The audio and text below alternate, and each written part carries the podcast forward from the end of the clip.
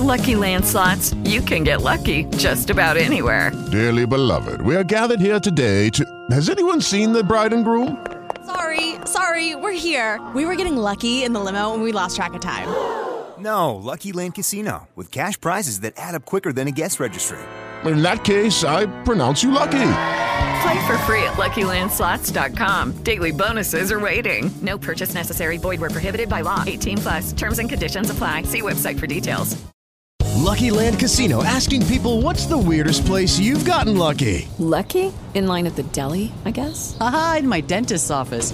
More than once, actually. Do I have to say? Yes, you do. In the car before my kids' PTA meeting. Really? Yes. Excuse me, what's the weirdest place you've gotten lucky? I never win and tell. Well, there you have it. You can get lucky anywhere playing at LuckyLandSlots.com. Play for free right now. Are you feeling lucky? No purchase necessary. Void where prohibited by law. 18 plus. Terms and conditions apply. See website for details.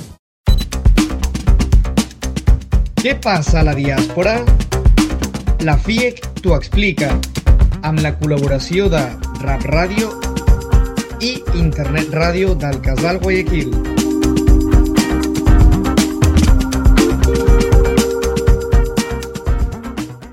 Bon dia, bon vespre, bona nit, de part de la Federació Internacional d'Entitats Catalanes i de l'equip de la FIEC T'ho Explica, el magazín que ara mateix us presentarem a través de la Ràdio Amèrica Barcelona, la ràdio que uneix la Catalunya Exterior.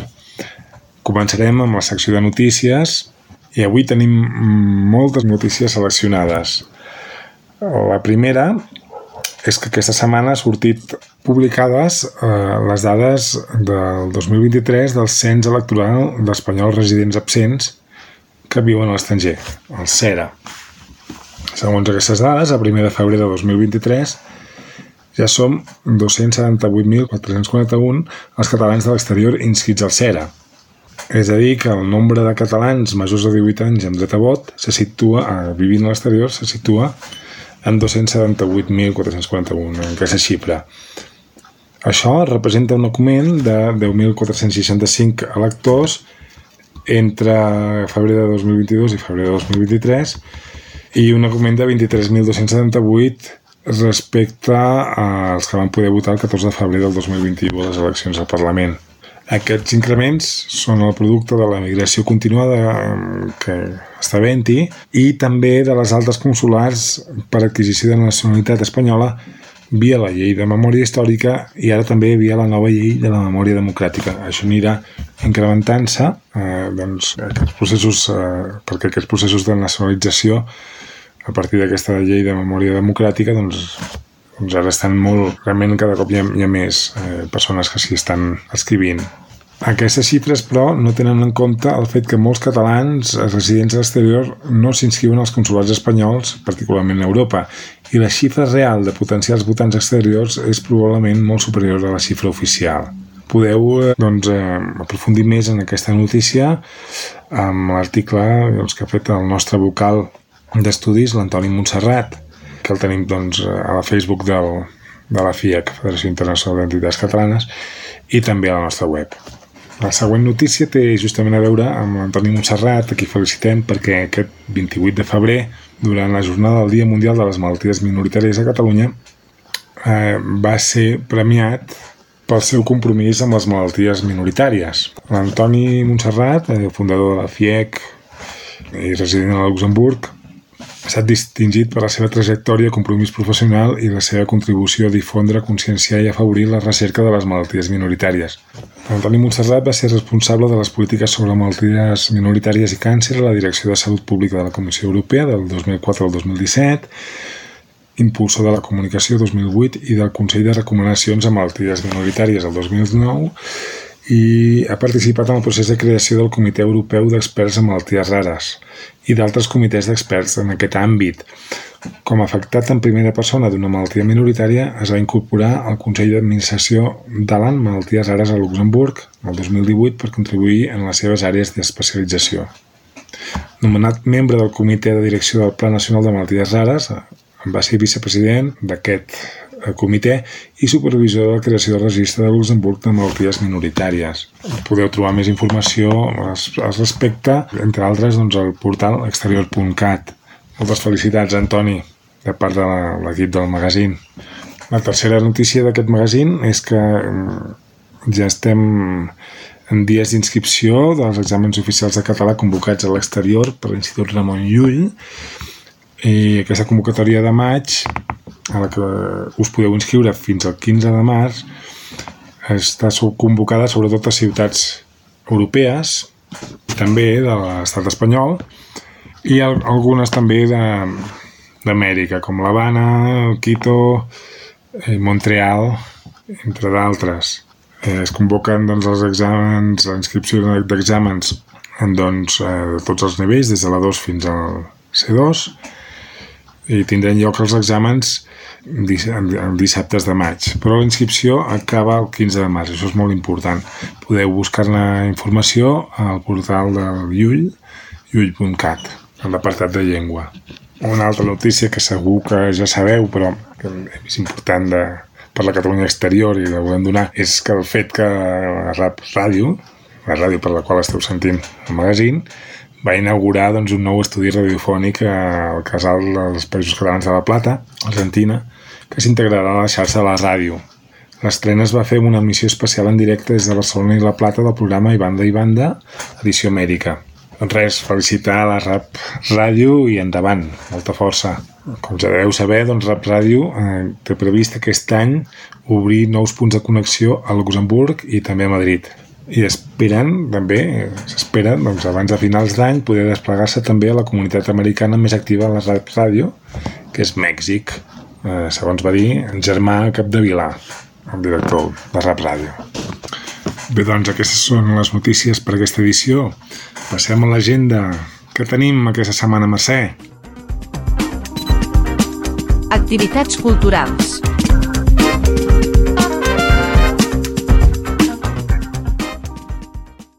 Hola, companys. Gràcies, Cristian. Bon dia, Amèrica. Bon vespre a Catalunya. Amics i amigues, si us sembla bé, ens donem un tom pels casals i centres catalans a l'exterior. Com sempre, ofereixen molt bones propostes culturals. Si us ve de gust, no anem més lluny. Avui iniciem el passeig per Àsia. El casal català de Tòquio ofereix Casal Patufet, un diumenge al mes. La mainada es trobarà dissabte, dia 12 de març. I quan arribem a Europa, com que és temps de calçotades, Catalans a Roma la farà dissabte 11 de març. I també el Casal Català de Tenerife a Degé la fa l'11 de març. El Casal Català de Stuttgart ha engegat els Jocs Florals. No cal inscriure-s'hi. Simplement s'han d'enviar els textos escanejats o escrit a ordinador, firmats o signats amb un pseudònim a l'adreça cultura.estudcat.gmail.com fins al dia 12 d'abril. El tema dels textos és lliure. El Casal Català a les 4 barres d'Estocolm, demà, dijous 9, en col·laboració amb el Bio Bristol, presenta la projecció de la pel·lícula Sis dies corrents de Neus Ballús a Estocolm per gaudir del cinema en català. El Centre Cultural Català de Colònia, Alemanya, també demà convida al concert de la Pegatina, boníssim. I el Casal Català de Nantes eh, invita a retrobar na Joana Prats Pintura, artista catalana, a la Fira Internacional d'Art Contemporani i serà els propers dies 12 i 13 de març. El Casal Català de Tolosa, ja té la seva culla castellera. Comencen els assajos. Serà dilluns, dia 13, a partir d'un quart de nou del vespre. El Centre Català de Luxemburg, dissabte 11 de març, acollirà la conferència El Barça i Catalunya, els orígens de la simbiosi, en col·laboració amb la penya Barça de Luxemburg. En acabar, qui vulgui, podrà sopar al local.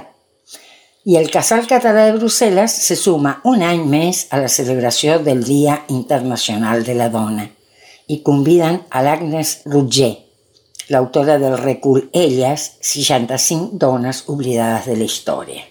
Totes les dones que apareixen en aquest recull es mostren amb la seva vida que la història també s'escriu en femení. I tant! Serà avui, 8 de març, a les 7 del vespre. I quan creuem l'oceà i anem cap a Amèrica, us comentem que la iniciativa d'Òmnium Cultural d'exportar la mostra Voc arreu del món és un encert i tot un èxit.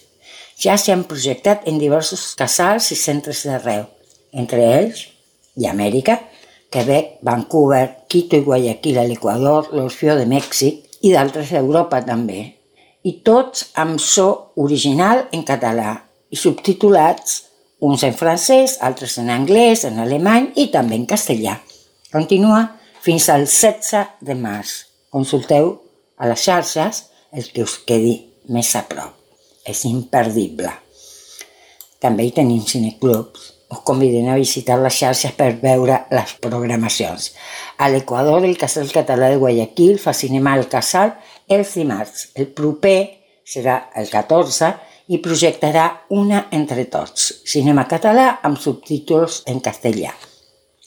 El Casal Català de Córdoba, Argentina, ho fa els dijous. L'Orfeo Català de Mèxic i el Casal Català i dels Països Catalans de Quito fan sessió els dissabtes de manera quinzenal alternant-se i després de la projecció fan fòrum amb el director. I això és un plus molt especial. Casals en xarxa, punt de trobada cada dijous. I qui som? Cada dimarts, creant sinergies entre catalans i catalanes a l'exterior. Tot dos a les 10 del vespre català. Dimarts 14, el qui som, conversarem amb el filòleg i periodista Martí Crespo. Xocolata i contes per als més petits, un diumenge al mes, a les 5 de la tarda catalana. Entre les xarxes de Medio Casal Català de Guayaquil trobareu tots els programes emesos de Casals en xarxa i, a més a més, podeu demanar ser inclosos al llistint per participar a les trobades virtuals. Als casals i centres del Consum d'Amèrica anem per feina. La molt bona notícia és que la RAP, Ràdio Amèrica Barcelona, ha obert un nou estudi al Casal dels Països Catalans de La Plata, l'Argentina. Enhorabona, anem creixent. El Casal Català de Guayaquil convoca el concurs de poesia Josep Carné i Puigoriol, quarta edició, presentació d'obres fins al 24 de març. Catalunya per anar, demà dijous, projecta el Festival VOC d'Òmnium Cultural, curs en català, en aquest cas subtitulats en castellà. Serà demà, dijous 9, a la Seu del Casal, en col·laboració amb el Cine Club Musidora. I divendres 10, reprèn el, el taller de puntes de Cuixí, que és quinzenal. Les quatre barres de Castellar fa la seva primera paella del 2023, diumenge 12. I el Casal dels Països Catalans de la Plata presenta l'exposició Històries de dones, de l'artista plàstica Mònica Rica i el fotògraf Nicolás Ferreira. El Centre Català de Mendoza inicia els encontres del taller de puntaires i els assajos de l'esbar dansaire Paquita Ferrer. I ja sabeu, per aprendre o practicar el català, contacteu-vos amb el casal o centre català més proper. I ara, amb el que vulgueu. Hi trobareu classes de presencials i de virtuals, en tots els nivells segons el marc europeu comú de referència per a les llengües. Català per a adolescents i també per a la mainada. I a més a més, ja us ho he dit, hi ha qui ofereixen taller d'escriptura i literatura catalana. No ho penseu més, ho passareu molt bé i recordeu, parlar català obre portes. Amics i amigues, això és tot per avui. Cuideu-vos i fins a la propera. L'entrevista.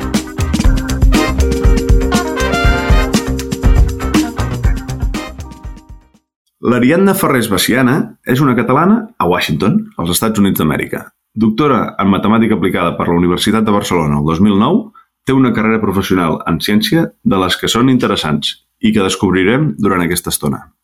Ariadna Ferrés, com estàs? Hola, eh, molt bé. Moltes gràcies per acceptar la, la, la, aquesta xerrada, diguem amb aquest programa que es diu La FIEC t'ho explica. És un programa que fem la Federació Internacional d'Entitats Catalanes i doncs el que em van demanar quan em van proposar fer el programa va dir escolta'm, a, entrevista gent que estigui pel món a veure què fan.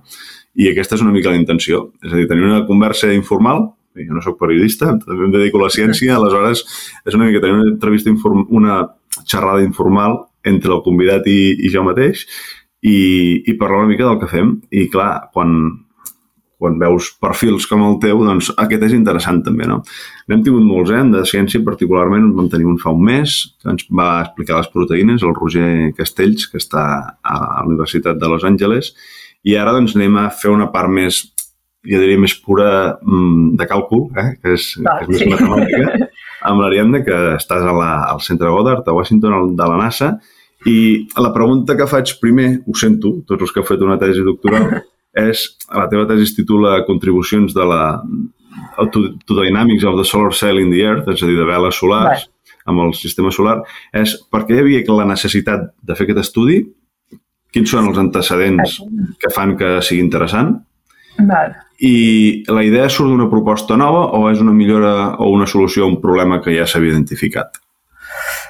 Ah, bona pregunta. Ho deixo, ho deixo obert, eh? No. De, sí, ho deixes obert. O sigui, el, la idea o, o el per què començar a estudiar això va sortir una mica d'una conversa amb el meu director de, de tesi. No? Jo vaig començar, jo vaig fer la tesi essencialment perquè quan vaig acabar la carrera no em veia anant a, a fer una feina normal, diguem, si és que n'hi ha de feines normals, eh? però no, no em veia entrant al món laboral normal i tenia ganes de seguir estudiant i, i, i m'agradava el tema de l'espai i vaig anar a parlar amb un dels professors de la UB, vam estar parlant de temes i la necessitat va sorgir tot una mica després d'anar a un parell de cursos on vam eh, descobrir el que eren les veles solars. No?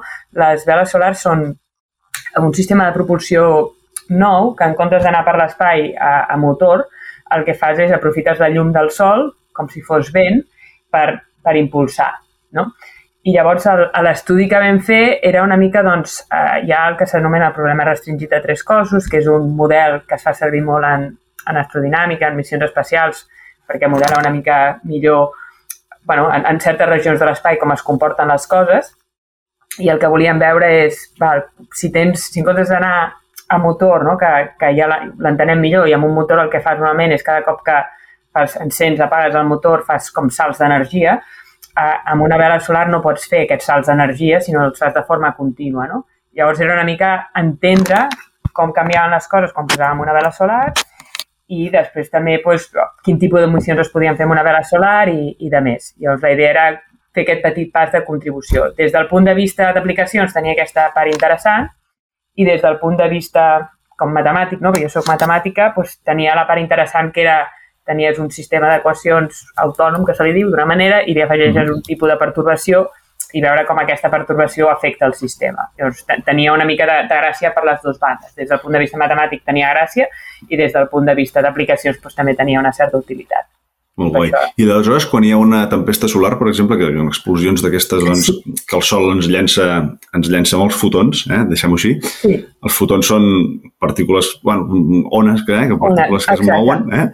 Sí. Uh, això com, com es calcula? Clar, com es fa la, previsió, la predicció perquè te, que arribi doncs, al sistema Terra-Lluna, em sembla que Clar. són uns 8 o 10 minuts, no? Sí. Com es, com es calcula el canvi d'una pertorbació com aquesta? inesperada? Va, sincerament, eh, no ho vam tractar. No... Com que, també com que és una acceleració molt puntual, però, eh, eh, i, i durant un instant de temps curt, sí que afectarà i t'accelerarà una miqueta més, però, però no serà dràstic. No? Si, fos, si, el vent solar, si fos més com quan estem anant pel mar, no? que tens tempesta i tens durant un període de temps molt de vent, molt de vent, molt de vent, allà sí que crec que juga un paper rellevant, no? En aquí, quan estem modelant-ho, eh, aquestes petites tempestes són molt puntuals i, per tant, doncs, es, quan hi hagi una missió en vela, el que observarem és una acceleració sobtada, un petit canvi, eh, però a nivell d'anar d'un lloc a l'altre no ens afectaria tant. Molt bé, és una bona, és una bona manera de respondre a molta gent que té aquesta pregunta, no? De, sí. si, si, el mar, si el mar passa el que passa, imagina't amb el sol, no? Sí, exacte. Molt bé, merci. I després també amb, amb el, has treballat amb el, amb el telescopi James Webb, aquest famós sí. que fa, fa uns quants mesos doncs, es van llançar i ens ha portat unes imatges espectaculars. Uh, vas parlar una vegada del grup de catalans a Mart, de, sí. que, que tenim de WhatsApp, que és on ens hem, ens hem conegut, bàsicament, del, dels punts lagrangia- lagrangians. A veure si ens pots fer una definició bàsica de què és un punt lagrangià i per què el James Webb està més enllà de la Lluna? Uh, doncs els, els punts de Lagrange eh, són regions de l'espai on, d'alguna manera així senzilla, la, la gravetat entre la Terra i el Sol es compensa. No? Diguem que quan estàs a l'espai eh, totes les forces dels diferents planetes no? T'atrauen. Eh, llavors hi ha, hi, ha, hi ha unes regions on, per exemple, entre el la Terra i el Sol eh, hi ha un punt on la força d'atracció de la Terra i la força d'atracció de, del Sol es compensen i en allà et quedaries en, en equilibri. Eh, D'aquests punts, d'aquestes regions, n'hi han cinc, de fet. No? Eh, tot això surt d'un model, eh, com t'ho diria, eh, idealitzat, perquè només considerem la Terra i el Sol, eh, ens oblidem de la resta de planetes i, a més a més, suposem que la Terra i el Sol eh, es mouen de forma circular al voltant del centre de masses, no? que no és del tot real. Però en allà hi ha aquesta regió, aquest, allà on es compensa totes les forces serien aquests punts de Lagrange. Això seria com la, la definició. Llavors, la gràcia que té és que quan estàs en aquell punt, d'alguna manera, tu, el, el telescopi o qui posis en allà dona una volta al Sol al mateix temps que la Terra dona una volta al Sol. Per tant, sempre estan en, en sincronia, no? sempre, sempre estan alineats. Normalment, quan donem voltes al, al Sol, els planetes sabem que van a velocitats diferents. No? El Mercuri va més ràpid que Júpiter i, per tant, no estan mai alineats. Eh, doncs, en aquest punt, eh, James Webb eh, donaria una volta al Sol al mateix temps que la Terra i, per tant, estaríem... Bueno, sempre podria observar una part del, del Sol. Llavors, Molt, sí, molt seria bé, això. molt bé, no sé, segueix. Val. Aleshores, aleshores entenc que per, pel, pel, pel motiu doncs, que de tant en tant es troba un planeta implicat hi han d'haver unes certes correccions, no? Me'n recordo un vídeo que vas fer amb la pilota de bàsquet Sí, de, de ah, com sí. es mou la mà per sota, que, que era super... s'explicava molt bé, no? Val. Sí, feu correccions amb aquest, amb aquest satèl·lit que està estable en un lloc entre la, entre la Terra i el Sol. Sí, perquè de- d'alguna manera aquest, aquest punt de Lagrange, no, per, per diversos factors. Per, per un, perquè el, el punt en si eh, és un punt d'equilibri, però és un punt d'equilibri inestable, per tant, eh, a la que ens desplacem lleugerament del, del, del centre, eh, les coses s'escapen, no? I dos, perquè, òbviament, com que afegim altres pertorbacions, perquè hi ha, hi ha els, els diversos planetes, el fet que la, la Lluna, i a més això fa que també el, no ens estiguem en allà de forma estàtica tot el temps, sinó que de, de mica en mica l'hem d'anar corregint. El que passa que les correccions són molt petites, no? Eh, llavors, eh, cada mes o així hem de fer una petita maniobra per, per corregir-lo i més que res per evitar que, que s'escapi o que es desviï de, de la seva trajectòria. Llavors, la, la manera que sempre m'agrada explicar-ho és una mica que, doncs, un, un punt d'equilibri d'aquests inestables seria el mateix que mantenir una pilota a, a la mà o si pensem en, en el cim d'una muntanya, si tinguéssim una pilota al cim de la muntanya a la que la toquem una miqueta té tendència a caure, no? Llavors la idea és tornar-la a pujar cap amunt, llavors li anem fent petites empentes, cada cop que s'escapa del centre doncs li tornem a fer una petita empenta per pujar-lo amunt. Si les fem prou freqüents, el, el cost que té és baix. Si deixem passar molt de temps, el cost de tornar-lo a posar seria molt, no? perquè hauria baixat molt per, per la pendent de la muntanya i hauríem de fer més força per tornar-lo a mantenir a, a dalt. I el, i el, el moviment, diguem la- l'energia, eh, s'extreu directament de, amb panells solars o hi ha, hi ha algun sistema de fuel Ja. que, No, que, hi ha el... Hi ha, hi ha un sistema de fuel, de fet tenim, no sé si és gasolina de, de tota la vida, però és, és, hi ha un sistema de propulsió on hem, on hem posat prou eh, combustible químic i Mhm. cada cop que fem de, de fer una maniobra es fa en propulsió química. Els panells solars que té essencialment estan sobretot eh, per tot el tema elèctric, per, per fer funcionar el, el telescopi en si, però no per, per generar energia per, per moure el telescopi. Molt bé. Ara, la pregunta del milió, que és el que pregunten els nens, eh? Normalment, com es mouen les naus espacials si a fora hi ha el buit? Val. Ho has respost una mica amb la teva tesi, eh? però, Sí. però diguem-ne, fem una frase simple que, que la gent ens Sí. permeti explicar-ho després. Sí, bueno, és que buit, buit, jo crec que l'espai no, no és buit, no? Aquí, aquí. Hi han coses, no? De fet, els, o sigui, de la mateixa manera que els planetes es van movent per l'espai, eh, vol dir que no, no, no està buit, no? Hi ha, hi ha petits electrons, el que passa que, que, és, que és molt... O sigui, la densitat és molt baixa, llavors hi ha poques coses, però sí que hi són. Per tant, de la mateixa manera que es mouen els planetes, les llunes, els asteroides i més, doncs també es poden moure les, les naus, no? Eh, el que passa que les distàncies són molt llargues, no?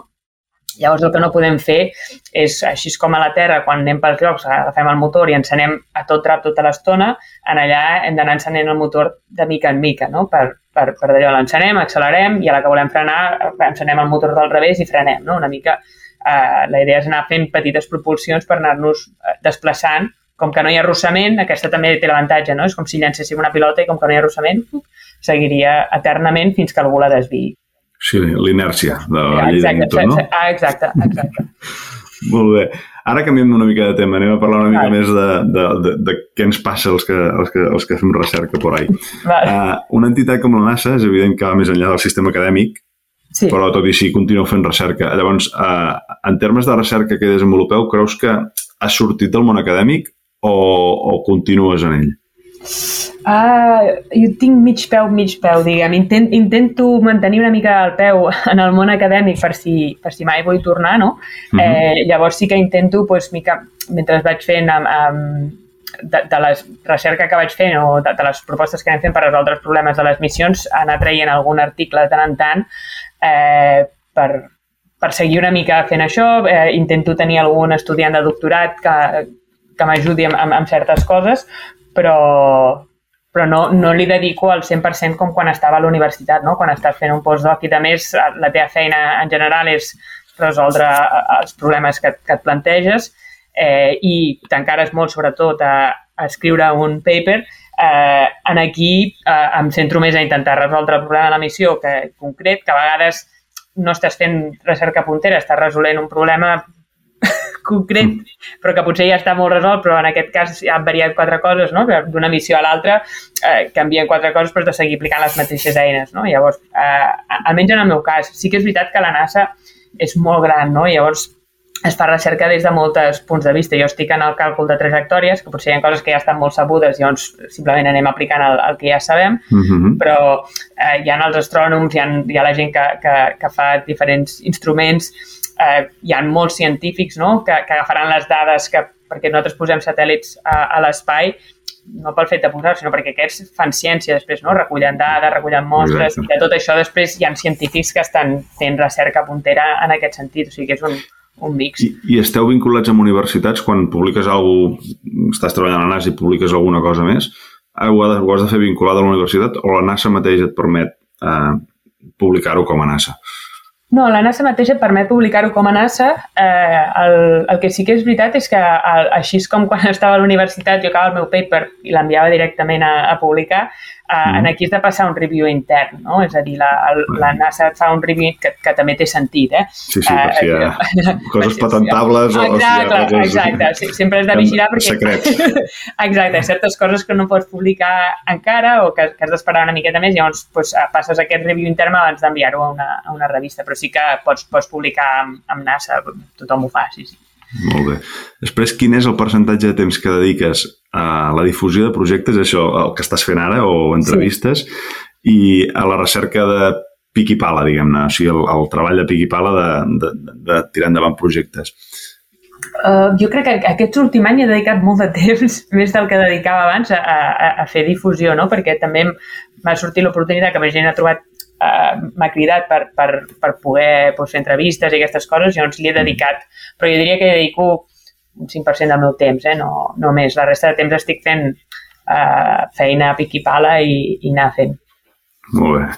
És, és, és, és el que hem de fer al final, no? Sí, exacte. Uh, tu que et dediques més als càlculs i podem enfocar la pregunta per aquí, eh? però uh, la idea seria saber quins són els problemes més difícils a resoldre a l'hora de posar un dispositiu a l'espai. Sí, per, no, per no perdre el satèl·lit ja més o menys Sí. ho he explicat, però en, tant Sí. en termes d'òrbita com en termes de comunicació, sobretot. Aquí, per Val. exemple, aquí on estic treballant, eh, venen em, empreses que es dediquen al món de l'espai eh, a testejar, a irradiar dispositius Val. perquè doncs, es fan malbé amb la radiació que hi ha dalt. No? Llavors, Val. ho irradien amb un accelerador de partícules, llavors saben quan poden durar. Quins, coneixes els, les dificultats més grans que, que hi ha per posar coses a l'espai? No per posar humans, eh? De moment. Ja, no només- per posar humans, no. Uh, bueno, clar, a, a nivell de... La dificultat més gran, clar, crec que una d'elles és la proporció, no? És el, el, que encara és molt car posar coses a l'espai, perquè necessites un coet molt gran, molt de combustible i això eh, en termes econòmics és, és, és car. Llavors aquest, aquest és sempre la, la limitació més gran que tenim i sobretot quan volem anar a explorar certes coses, no? quan mm -hmm. els viatges són molt llargs, perquè les distàncies són molt grans i llavors eh, estem limitats sobretot a, a això. El, molta gent sempre pregunta per què no podem arribar més ràpid a Mar no? o a la Lluna, perquè triguem tant pots arribar-hi més ràpid si volguessis, però no t'estimbes, diguem, perquè necessites la mateixa energia que necessites per sortir, la necessites per frenar. Per, frenar. per tant, podríem arribar amb un mes a mar, però puf, xocaríem directament, no? Per tant, eh, hem de trobar maneres més eficients de, d'accelerar, de, de moure'ns per, per l'espai que, que ara mateix no, no tenim. Es ven d'una manera massa ideal el món espacial a, a la societat? Uh, hosti, no ho sé. uh, bona... Se m'acaba d'acudir la pregunta, eh? Sí, sí, sí. Quan has dit lo d'estimbar. Ja. Potser sí. Uh, clar, jo crec que... Sí, és una bona pregunta. No et sabria què dir ara mateix. Uh, jo crec que quan es ven... Per, la gent no és conscient de tota la complexitat que, que hi ha al darrere, jo crec. Eh, perquè molta gent sí que, que es pensa, no, ara amb els motors nous, ara fas això, fas allò. Bueno, no és tan fàcil tot, no? I, i de més, i després que ja no només és això, és, des del punt de vista de la feina que faig jo, no? les dificultats que tenim més és bueno, lidiar sobretot amb, amb, amb les com que són equips molt multidisciplinars, no? cadascú es dedica a una, una certa part i has de parlar molt en, en, entre nosaltres de com fer. No? Jo puc trobar la manera ideal d'arribar a un lloc. No? Pues aniria bé, pues és això, això, això, i amb, amb aquests tres... Val però el problema que tens és que per fer aquestes maniobres el satèl·lit potser no està preparat per fer aquesta maniobra perquè no pot maniobrar en aquella direcció perquè hauria d'estar molt de temps amb, amb una certa orientació que no rebria prou llum solar, no? Per tant, necessito tenir en compte aquestes restriccions quan estic dissenyant la, la missió. Eh, I no volen, per exemple, James Webb, un, un dels problemes que té eh, té aquell panell, eh, té el... Un mirall. Eh, té, té el mirall que s'ha de mantenir molt fred, no? Uh -huh. I llavors té el parasol, no? que són aquelles, aquelles quatre làmines eh, que hi ha que el que fa és mantenir-ho fred. Però clar, això fa que les làmines aquestes han d'estar sempre entre la Terra i el, i el Sol. Ai, perdó, entre la Terra enfocant i el, el sol. Sí, sí. Han d'estar enfocant el Sol perquè l'altra part sempre estigui a l'ombra i clar, el motor, a més a més, no el podem posar a la zona d'on hi ha el telescopi, el motor està a l'altra banda. Llavors només podem maniobrar en, una, en unes certes direccions, no? Eh, llavors això també ens limita a l'hora de fer el control, eh, fins a quin punt podem fer-lo de manera òptima, no? Llavors, bueno, doncs, eh, totes, eh, tenir en compte la interacció entre totes aquestes coses potser és el que fa més complicat a l'hora de dissenyar certes missions, que hi ha moltes restriccions que no et permeten resoldre'l de la manera ideal. No? Idealment costaria tan poc, però com que has d'afegir això, això, això, la realitat sempre és més complexa i llavors pues, eh, bueno, has de lidiar amb tot això.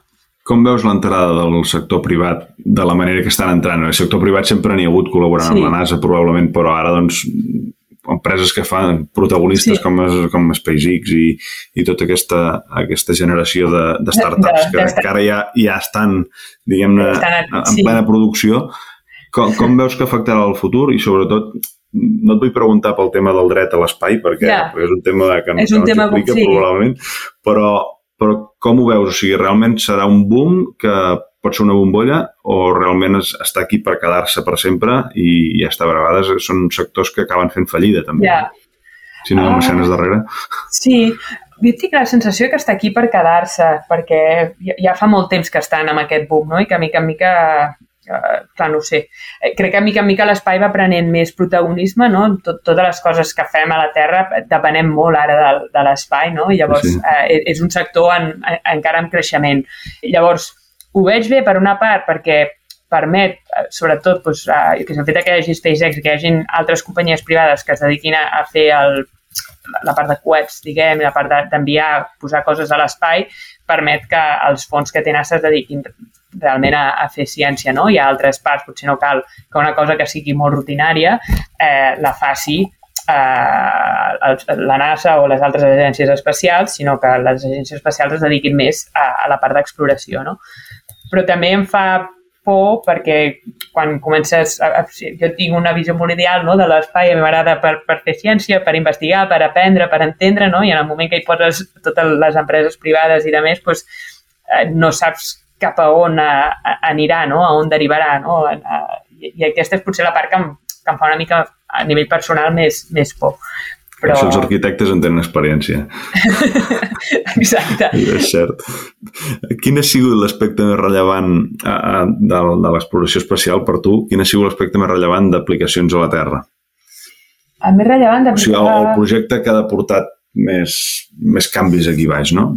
Uh, suposo, el, tota la part de, jo crec que els GPS i, i de més, la manera en què ens movem no? és, és completament diferent. Jo recordo quan, quan era petita que havia d'anar sí, havia d'anar de viatge i que m'havia d'imprimir 10 papers allà el per mapa. recordar el mapa, eh, les direccions, a, a tal quilòmetre recordo mirar i ara és que ni ho miro, no? Perquè depenc tant, o sigui, sé que amb el mòbil vaig a tot arreu, no? I, i fins i tot per passejar per la ciutat, depèn. Jo crec que això ens ha canviat la vida moltíssim.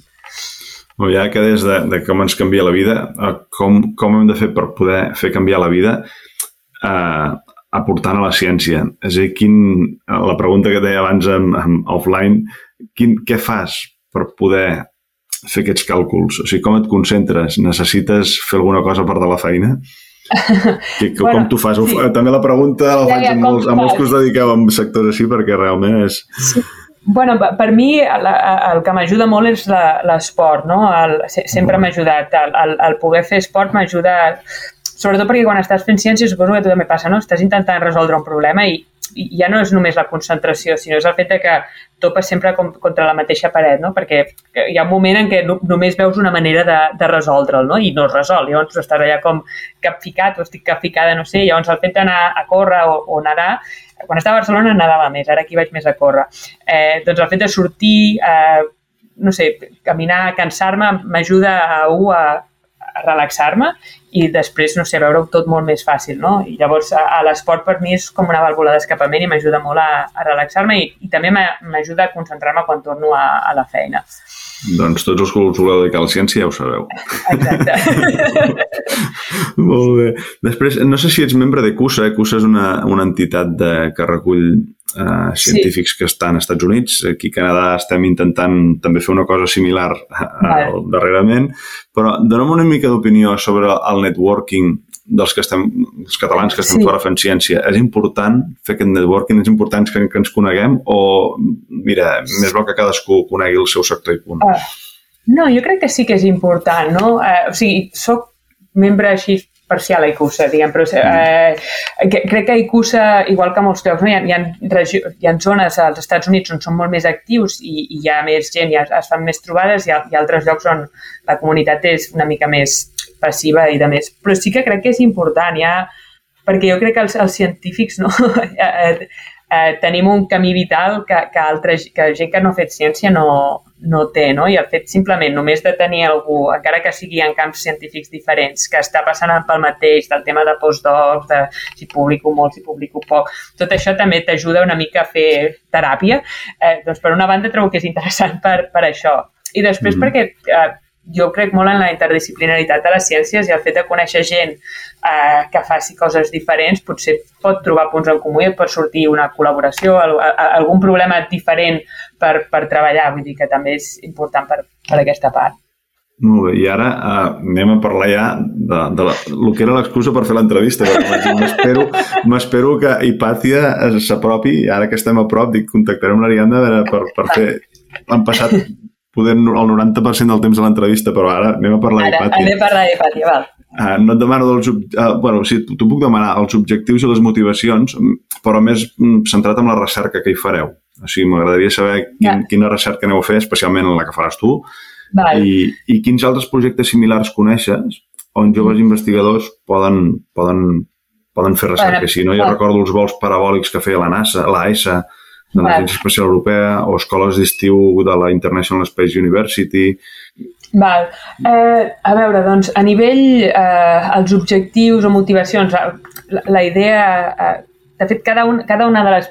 bueno, explico primer així breument què és sí, sí. no? Hipati és una, una missió anàloga que al, a l'abril, ara a la segona quinzena d'abril, anirem al desert de Utah a, a simular el que seria una, un assentament a Mart, no? una missió a Mart. Llavors ja uh -huh. eh, ja hi ha, és que ara no em surt mai en català, eh, ja hi ha la base i llavors nosaltres estarem tancades durant 15 dies eh, convivint i fent recerca. Eh, la nostra tripulació és tot dones i és eh, interdisciplinari i multigeneracional, no? eh, i cadascuna té un projecte de recerca diferent. Eh, en el meu cas, eh, la meva idea és tra treballar una mica el tema de la navegació. No? Eh, abans comentava, no? la, el GPS ens ha transformat la vida aquí. Eh, quan estiguem a mar no tenim aquesta infraestructura, llavors, eh, per una banda, eh, estudiar, entendre una mica què, què podem aprofitar dels satèl·lits que hi ha al voltant a mar per fer navegació i si n'hauríem de posar més, doncs com, com seria, no? com podríem dissenyar un sistema GPS a mar, per una banda. Però per l'altra també volia aprofitar per fer una mica de divulgació i explicar una mica doncs, què és la navegació, com ho fem per navegar, que, com hem navegat en el, en el passat i com ho fem ara, no? I, i doncs, també fer una mica de, de divulgació científica. La resta de tripulants, doncs, tenim una astrònoma, la Mariona, que aprofitarà un dels telescopis per mirar el, el que seria el cel marcià. Eh, la, la Neus, eh, ella és enginyera i ella es, es dedica al disseny de bateries amb materials orgànics, fa bateries petites i llavors mm -hmm. intentarà veure si amb, amb el sol marcià i, i de més, no? Clar, ja tindrem el desert de Utah, però les components a nivell eh, geogràfic és bastant similar, no? Llavors, doncs, mm -hmm. què podríem fer per, per dissenyar bateries? La Laia, que és biòloga, fa temes de, aquífers, llavors oh, aquest és el que em costa més, com que jo soc, sempre he estat més de la part d'enginyeria quan toca parlar de biologia. eh, passen tots. Passen, no, sí, per... no podem ser experts en tot. Ah, exacte. Eh, potser quan torni entendré millor de què va el projecte, però eh, farà temes de genètics i, i de pes, ho deixaré per així.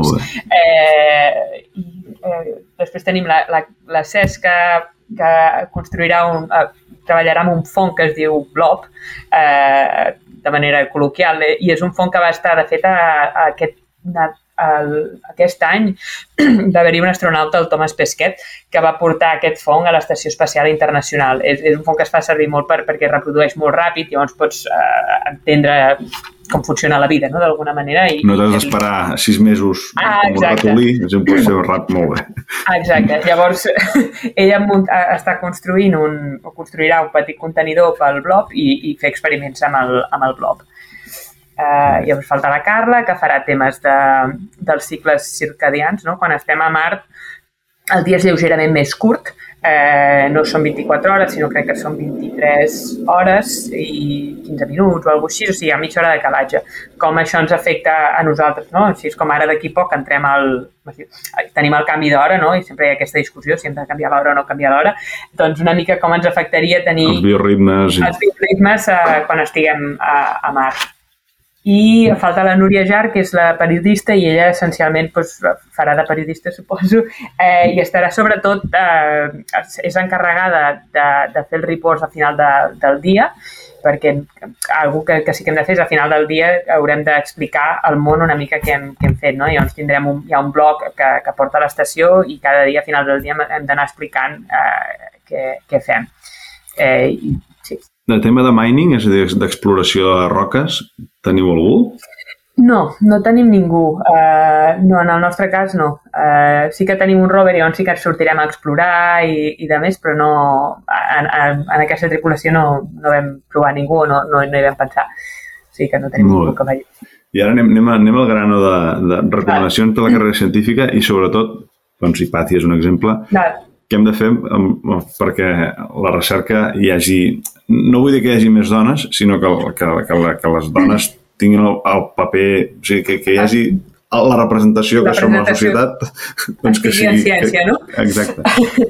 Almenys en ciència d'aquest camp, eh? De, que, de farmàcia i biologia potser ho hem aconseguit, però, però el però camp de l'enginyeria encara no.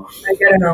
Um, bueno, recomanacions en carreres, jo dic que cadascú faci la que li agradi, no? Si fas una carrera científica jo crec que l'has de fer no per amor però perquè t'agrada la ciència i perquè és molt interessant tot el que fas i perquè hi ha molta gent que es pensa que la ciència no, no té aplicació no? No, no té un retorn directe a la societat i sí que el té, no? ens, ens en aprofitem constantment, el que passa que potser no és no, té aquella, no, no veiem la part directa però està al voltant nostre tot el dia. I pel tema, perquè dones...